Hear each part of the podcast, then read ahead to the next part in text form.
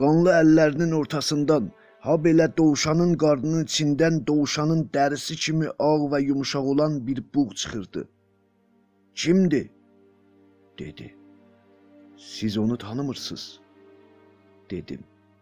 Çayın əlbəkiyə töküb içdim. Mən bu işin ustasıyam, dedi. İndiyə kimi özündə yemisən? dedim. Dadmışam amma yemək ki, deyib elə o qanlı əlləri ilə bir siqar alışdırıb, yox, dedi. Mən bir düzgün xora istəyirəm, dedim. Düzünü axtarsan bu quşu doğrultmaq şuxluq deyil. İşi çoxdur. Amma o adama düzəltdiyim xörəyi tərifləyirdi. Dadı damağında qalmışdı, dedi. Çayın qalanını içəndə dovşanların ikisinin də dərisinin soyulmasını gördüm. Masanın üstünə iki parça qırmızı züldəyən ət düşmüşdü. Sevirəm beynini də bizə pişirəsən, dedim. Beyin deyib gözlərini mənə sarı zillədi. Özün yeməyəsən ha, dedi. Bilirəm. Baş ağrısı da var. Xərci də yuxarıdır, amma bir dəyərli qonağım var, dedim. Elə o zaman kürəyimin titrəməsini hiss etdim. Gövdəmin bütün sümükləri birdən-birə dara çəkildi. Adətim olmayaraq əllərim tir-tir əsməyə başladı. Torbanı vereyim, dedim. Onu əlimdən alıb, gözlə özün yeməyəsən ha, dedi. Mən torbanı əlinə verəndə dilimin o qədər ağırlaşıb damağıma yapışmasını hiss etdim. Tövlədən çıxdı. Gicgahlarından qaynayan güclü qızdırma ilə çevrəsinə baxdı. Ürəyi yaman çırpınırdı. Ola bilsin o çöldə bir qara ləkə görsün deyə bütün gücünü gözlərinə toplamışdı. Bu dib bucağı bəlli olmayan çölün sonu haradır? İndi günün hansı vaxtıdır? Yox, hay Allah, yox, bu insafdan deyil. Palto əynimdə değildi. Qaytarmaq istəyirdim. Yenə də zəncirləmək istəyirdim. İndi də sicimləmək istəyirəm. Lap elə vaxtıdır. Ömrünü eləyib bir zad istəməyini də zənn etmirəm. Elə burada tövlənin qapısına bağlardım. Neçə saatdan sonra aram səssiz ölülərə qarışar. Elə o anda ona Aydın, sənin bir gözəl qızın var. Heç bilirdin? deyərəm. Bir sarı, iki soylu, hər yerdə olsa elə bu günlər tapılar. Ağa mənim atamın dükanı buradır, deyər. Sənin atan kimdir? deyərəm. Bir dəli ağa. Gülməlidir. Doğrudan gülməlidir. Ata da əcib bir adam idi. Neçə ay ölümündən sonra qəbri üstə getmək başıma vurmuşdu. Qorxulu bir payızdı. Söyüd ağacının yarpaqları şəhərin bütün xiyavanlarını bürümüşdü. Qəbristanın çılpaq ağacları qarğa ilə doluydu. Allahın qara qarğaları ağacların budaqlarında bölük-bölük oturmuşdular. Adam bu mənzərəyə baxdıqca qəbristanda bir tamaşaxananın qurulmasını zənn edirdi. Ürək sıxıcı uca divarlarını dolanıb iki taylı yaşıl qapısından içəri keçdim. Həmişə 10-12 dilənçi adamın dalısıca düşürdülər. Biri kotumu cırdı. 50 çək eşşək, dedim. Sonra hamısı tüdabana qüvvət qaçdılar. Atamın qəbri qəbristanın sağ yönündə bir cavan söyüdün altındaydı. Yarpaqları qəbrin üstünə yayılmışdılar. Ayağımla yarpaqları qırağa çəkdim. Baş daşını oxudum. Sonra ölülərin evinin tamaşasına dayandım. Hərdən bir biri gəlib biri gedirdi. Bir neçə adam qəbirlərin üzərində silkələnirdilər. Ata, bizim günümüzü görürsən? Buranı ölülər şəhəri zənn etmə. Eşik də ölülər şəhəridir. Hamısını ölü yuyan yusun. Bizi ölü yuyan yusun. Bizim qardaşlığımız cora getsin. Qəbir daşının üzərində oturdum. Ata, İllər boyu mən bu püstə təlislərini 40 pillə aşağı aparıb yuxarı gətirmişəm. Özün görürdün da, sənin Allahın da şahididir. Bu utanmaz alçağın yoldan yetişib üç danca yiyə olması heç ağlıma gəlməzdi. Və sən niyə mənim haqqımı vermədin? Nədən mənim haqqımı başqalarına yedirdin? dedim. Bir kiçik daş götürüb qəbrin üstünə neçə taqqa vurdum. Bir ulduz çəkib Fatihə oxudum. Ata, ona heç hörmətim yoxdur, dedim. Dilənçi uşaqlarla yoldan ötənlər səsimi eşitməsin deyə qəbrə sarı əyilib onun mənə bir qaz qədər də dəyəri yoxdur, dedim. Axırda kərvansara girişində işıqlı böyük öz adıma tablosu yazılan iki qapılı tükana yiyələnmək niskili ürəyimdə qaldı. Canına düşən qızdırma ilə titrəmək beynini işdən salmaqdaydı. Dişləri zərbi tutub bir-birinə çalınmaqdaydı. Köksünün sümükləri aşağı-yuxarı getməkdəydi. Bir an qızışmasını hiss etdi. Əlini alnına apardı. Od içində yanırdı. Qəhvəxana önündə dizə çökdü. Qarların üzərində oturdu. Özünü qəhvəxananın içərisinə salmamağa çalışsa da, lağedici bir yorğunluq qarşısını alırdı. Sonra göyün kiçilib hücmlə ona sarı yücürməsini gördü. Ardıca özünü göydə buraxılmış durumda hiss etdi. Əllərini qara soxdu. Bir ovuc qar götürüb alnına qoydu. Yaxşı. Yaxşı. Bu gün cumadır. Şurabil gölü yumuşaq dalğalanırdı. Onun içində atanın dərisi büzüşürdü. Baraşallah Orhan. Qıçlarımı oğ, dedi. Mən də oğdum. Bir paket kədi toxumu götürüb zirzəmiyə getdim. Aydın təxtinin üzərində uzanmışdı. Köksünün üstündə olan bir kitabla şayət də yatmışdı. Mən toxumları çıtlamağa başlayıb qabıqlarını bədəninin üstünə tökdüm. Nahardan axşama kimi elə işim bu idi. Onu toxum qabıqlarının altında quyladım. Ana bir məcmeyi çayla pillələrdə durmuşdu. Yəni nə mənə? dedi. Gülmək üçün, dedim. Aydın yuxudan atıldı. Toxum qabıqlarının arasından çıxıb bunları kim çıtlayıb? dedi. Nə olacaq? Gülmək istədim. dedim. Ana Utan. dedi. Aydın qaşqabağını salladı. İllər olardı mənə baxmağını görməmişdim. Yaxşı, indi atanın bədəninə bir düzgün vaks vururam, amma yuxarı getdi. Yuxarı getdi. Qovuq kimi yuxarı getdi. Lənətə gəlmiş, nədən şalvarımı çəkirsən? Demək adamlar beləsinə ölərlər.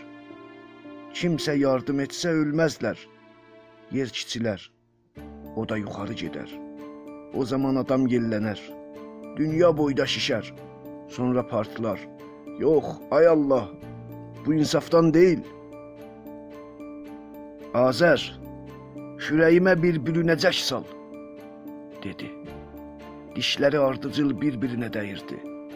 Azər, çiynimə bir böyük yorğan sal, dedi. Gözləri piylənmişdi. Dağıdı. Göydən enib düz üzündə oturan qarları görmürdü. Sonra qarlar yayılıb əriyirdi. Üzümün üstə sal, dedi. Sonra heyrət dolu bir güclə yerindən qalxıb oturdu. Gözlərini yerə zillədi. Öz yuvasını axtarırdı. Bədəninin tükləri buz bağlamışdı. Əlini yerə çəkdi, başı üstə yerə dəydi, aşağı cumub özünü qarların qatına bürüdü. O zaman qardan çıxıb oturdu. Çevrəsinə baxdı. Çətinliklə ayaq üstə dura bildi. İndi yeriyə bilərdi. Başdan ayağa ıslanmışdı. Bir buz gülləsinə çevrilsə də yeriyə bilərdi. Oradan şorabili görürdü. Şorabilin üzərində oturan qarları xiyali ilə silib Şorabili o göyrəngli yumuşaq dalğaları ilə gördü. Axsaya-axsaya özünü qamışlığa çatdırdı. Dəli Mirzə Aydın. Yox. Aydın. Hardasan? Ana, Anlamaz. Gətir. deyirdi.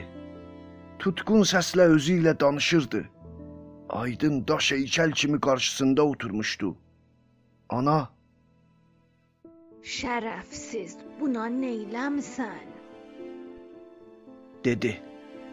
İndi quruyub bir-birinə dolaşan qamışlığa yetişmişdi. Kef verici iti bir sərin yel üzünə dəydi. İlk dönəydi soyuqdan ləzzət aparırdı. Qar altında qalan şorabilin tərpəşmək gücü yox idi. Qamışlıq daha millətlər sazmanı kimi deyildi. Çinə şumlamışdı. Darmadağın idi. Sanki əyri bir haşiyənin enişinə batmışdı. Elə orada oturdu. Uca səslə, bu da millətlər sazmanı. Amma heç bir məhkəmə yoxdur, dedi. Bir bayrağı götürmək istədi, ancaq əli çatmırdı. Bayrağı yemək istəyirdi. Çay içmək yerinə çörək ye, dedim. Daha gücü yox idi. Əlini tərpədə bilmirdi. Bayraqlara tay aşağı endi. Çevrəsinə baxdı. Hər zat sakinlikdə ölmüşdü. Qar onu quylamaqdaydı. Özünü sakinlikdə ölməkdə gördü. Qar onu quylamaqdaydı. Bayraqları səssizlik halında ölmüş gördü. Qar onları quylamaqdaydı. İki əli ilə hər iki baş barmağı ilə Orhanı çəkirdi. "Yox, maman, yox," dedi. Ana heç danışmırdı. Yalnız gülürdü. Məhəbbətlə gülürdü. Yox, maman, maman, ədalət yanı elə bu, dedi.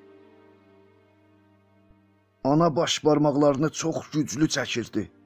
Olmaya adam düşsün. Ayağımın önünü görmürəm ki. Yaşayış nə qədər çətindir, dedi. Bölük-bölük qaranquşlar qarda burulub dağılırdılar. Bir-birlərinə qovuşub sonra bir qara nöqtə olurdular. Gedirdilər. Gedirdilər. Gedirdilər bir xal olurdular. Göy nə qədər sarı idi. Borular nə də tüstü salmışdılar.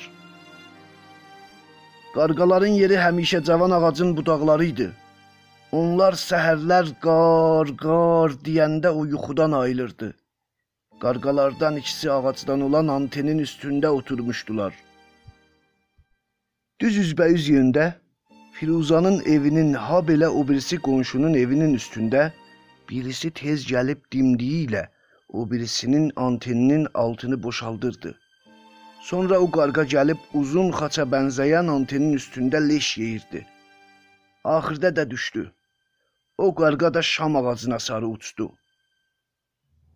Ana əl çəkən değildi. Sərt nəfəs çəkirdi. Orhan onun bağırmasını zənn edirdi. Ayaqlarını palçıq olan şorabilin qırağında suya batırırdı. Özünü saxlamaq üçün bir ayaq yeri arayırdı. Aşağı cummaqdaydı. Ana göydən aşağı enməkdəydi. Yel də onun ərğəvan boyalı ətəyini yelləndirirdi. Ata, indiyə kimi qışdan yaza qədər qaçmısan heç? Sizlər ölübsüz. Sizlər. Amma mən qışdan yaza kimi qaçmışam. Gözüm ardıcıl göylə günəşə sarı idi. İndi bahalıq ilindən sonra gözləri aclıqdan sulanmış adamın gözünə bənzəyirdi. Sanki ağacın gövdəsində qaranquşların yuvasının təkindən şorabili görürdü. Özü bilməzdən diriydi. Yox, ölmüşdü, ölməyini də bilmirdi. İxtiyarsızca əlini paltosunun cibinə salıb sicimi çıxartdı. Aydın! Mirzə Aydın!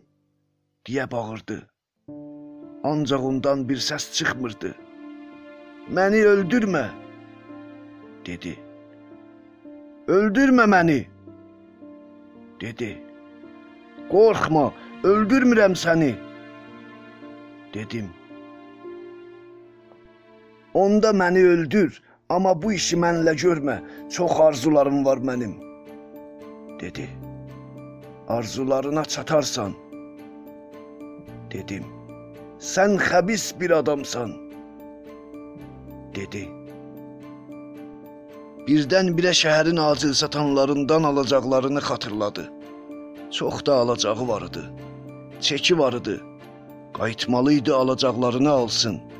Yeyib gedərlər.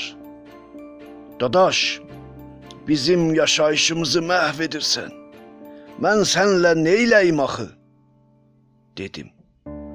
O gecə başa-baş dincsiz yatdım. Zerzəmiyə baş vurdum amma orada yox idi. Heç vaxt orada yox idi. Bundan acınacaqlı olmaz. Aydını tapmamışdan öncə başıma külələndi. Bu da mənim alın yazım. Amma bu ağını başına çəkən yalnız mən değildim.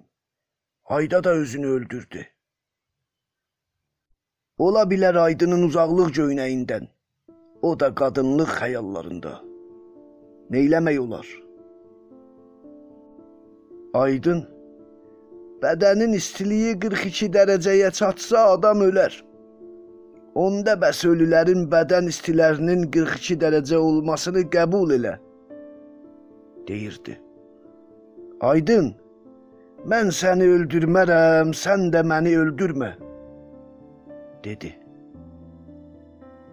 Sonra aram suya batdı. İsti idi. Dalğalananda havada yumuşaq buğ dağılırdı. Qar aram və səssiz yağırdı. Göy də nə qədər gözəl idi. Adadaş, ötür özüm ölüm, dedi.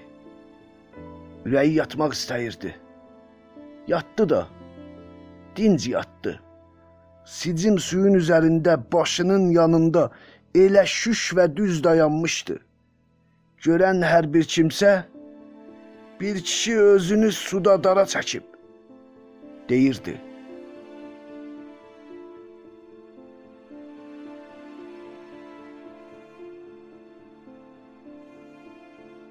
Ölülər Senfoniyası 1-ci çap Yazar Abbas Mərufi Çevirən Əhəd Fərəhməndi Düzənləyən Əli Səlmanzadə Səsləndirənlər Ağa Cabir Purbagiri Xanım Elnarə. Hər zamanki kimi bizimlə olun. Bizim axağımızın adresi Dastanca. D A S T A N C A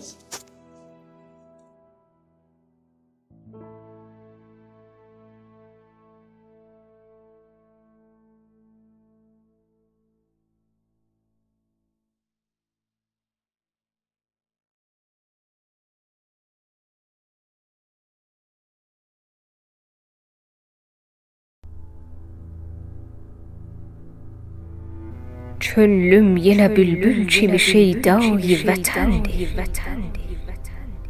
مزنون ایدن آشگلر لیلای وطن دی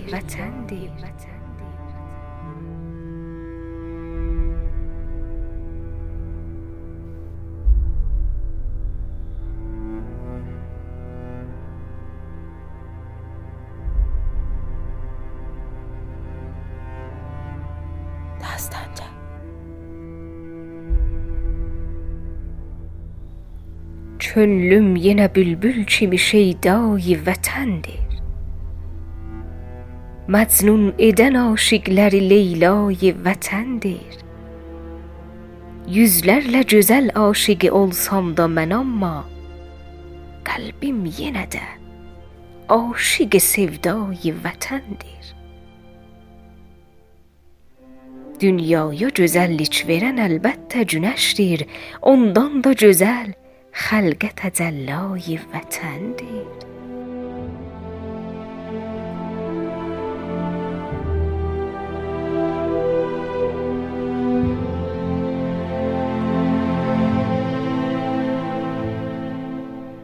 گویماز bu مقدس یه بیجانت و خونسون.